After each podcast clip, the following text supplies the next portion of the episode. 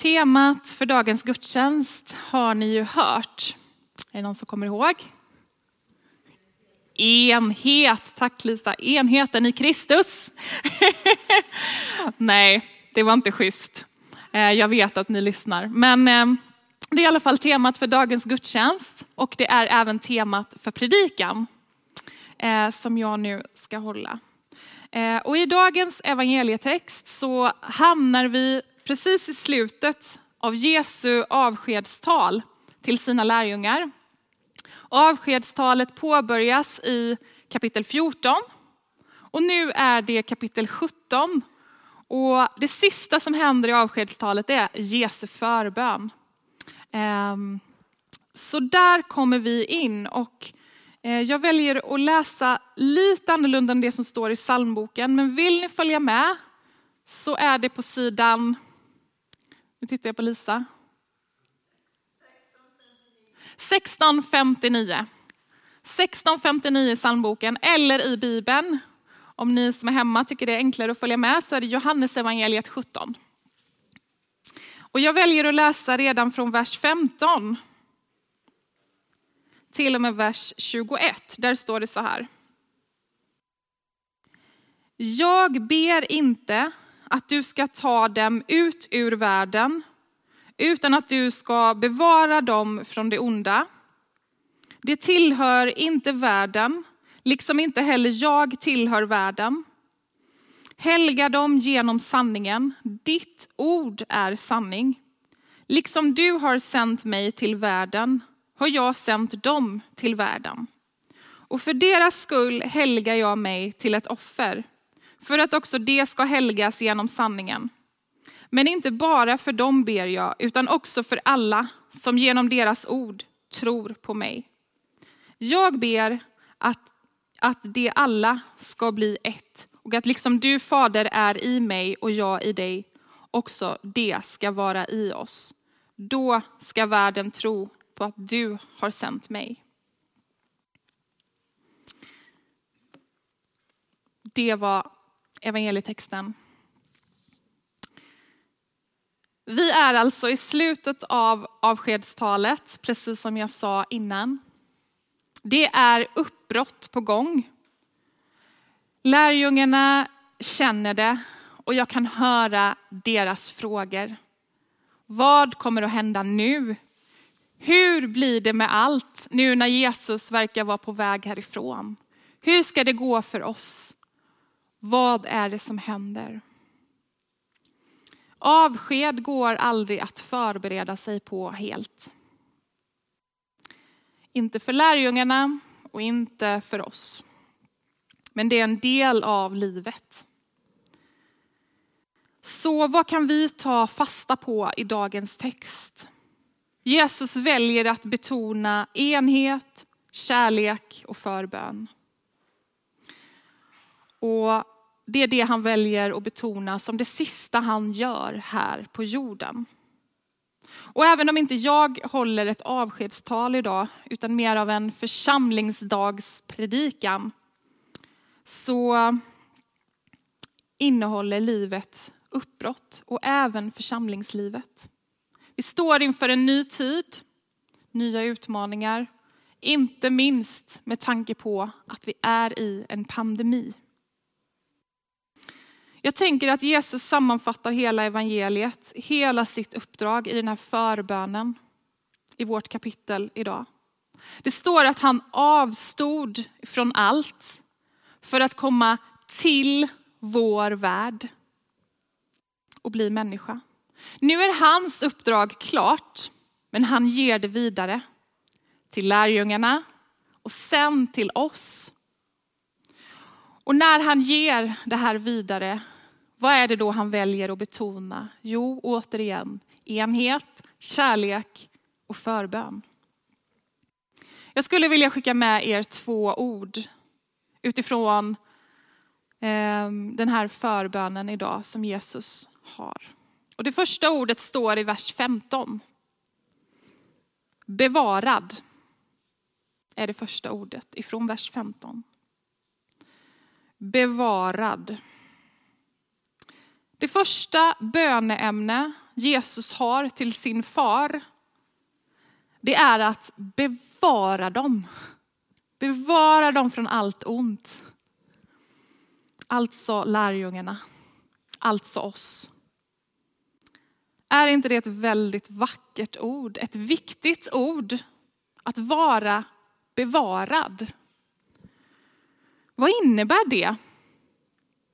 Det är ett ord fyllt av vila och tillförsikt, tänker jag. När Jesus ber om detta för sina lärjungar så är det en påminnelse om att det är själva grunden för livet. Att vara bevarad, att leva i Kristus. Och när saker ändras i våra liv, när det blir annorlunda, uppbrott, avsked, nya förutsättningar, så påminner Jesus om vikten att han ber för oss. Han ber att vi ska få vara bevarade. Det finns inget enkelt svar på hur vi kan leva för att vara just bevarade. Det ena svaret kanske är att vi ska fortsätta Jesu förbön för mitt liv, för varandra, för vår församling och för vår värld. Att Gud ska bevara oss, att vi fortsätter att be den bönen.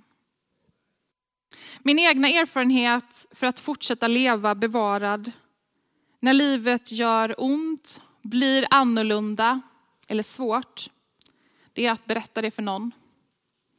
Kan låta som ett väldigt oheligt tips, men eh, jag tror inte att vi klarar av att leva våra liv ensamma. Vi behöver varandra. Så berätta för någon om din rädsla, oro, kamp, glädje, vad det än är. För tyvärr så kommer vi uppleva att livet inte alltid bevarar oss. Vi blir sårade, vi kommer kanske att bli lämnade, men då får vi komma ihåg att Gud vill bevara oss. Han bär oss. De dagar när vi också upplever motsatsen. Det andra ordet som jag vill skicka med oss idag, det är från vers 18. Och det är ordet sänd. Sänd. Bevarad, sänd. Två väldigt olika ord. Vår identitet som kristna, det är att vi är sända till den här världen. Ordet världen, kosmos, det förekommer 20 gånger i vårt kapitel och 78 gånger totalt i hela Bibeln. Och 20 gånger i vårt kapitel. Så här verkar vara något viktigt i just vårt kapitel. Något viktigt budskap i Jesu avskedstal och förbön. Och ofta så står världen, kosmos, som en motsats till himmelriket. En motsats till allt det som Gud är allt det som Gud står för. Och ändå är det dit som Jesus är sänd. Och han sänder lärjungarna vidare dit och nu även oss. Vidare till världen för att komma med allt det som Gud är. Ljus, hopp, medmänsklighet. Hälsa på de ensamma, ge till de fattiga, bjuda en granne på kaffe, helt enkelt ge av vår tid och våra gåvor till våra medmänniskor. Det är vi sända att göra i den här världen. Och hur ser din värld ut just idag? Behöver du ta emot medmänsklighet, hopp, kraft, mod? Eller är du på en plats i livet där du kan bära andra, ge andra, dela med dig. För vi är sända till den här världen både för att ge och ta emot medmänsklighet. Både vara ljus men också ta emot ljus. För vi är människor. Lärjungarna blev kvar här på denna jorden. Och vi är här. Och detta är vår plats att leva våra liv på, verka och påverka. Vår församling vill vara en plats som gör skillnad för vår värld, för vår stad, för dig och mig. Hit får vi komma med hela vår värld, med hela våra liv, med allt vad det innebär. Speciellt i en tid som denna får vi komma hit och ta hand om varandra. Och för dig som inte har möjlighet att komma hit så vill vi även finnas för dig och vi får ta hand om varandra på nya sätt i denna tid. Jesus bad för oss och det får vi också göra. Vi får be för varandra. Vi får be om att leva bevarade och vi får be om att sändas ut i en värld som behöver hopp. Och vi ska få möjlighet att vara i bön eh, i den här delen av gudstjänsten. Nu först ska vi få lyssna på ett musikstycke och sen kommer böneplatsen att öppnas efter det. Men vi ber tillsammans.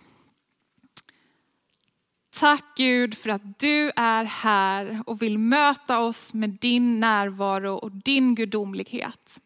Tack för att du ber för oss. Tack för att du vill att vi ska vara bevarade. Men tack att du också sänder oss till den här världen.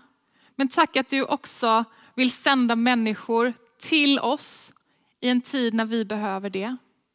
Så tack för att du vill möta oss nu i den här delen av gudstjänsten. Att vi får komma med hela vår värld, hela våra liv och be att du ska möta oss var och en. Amen.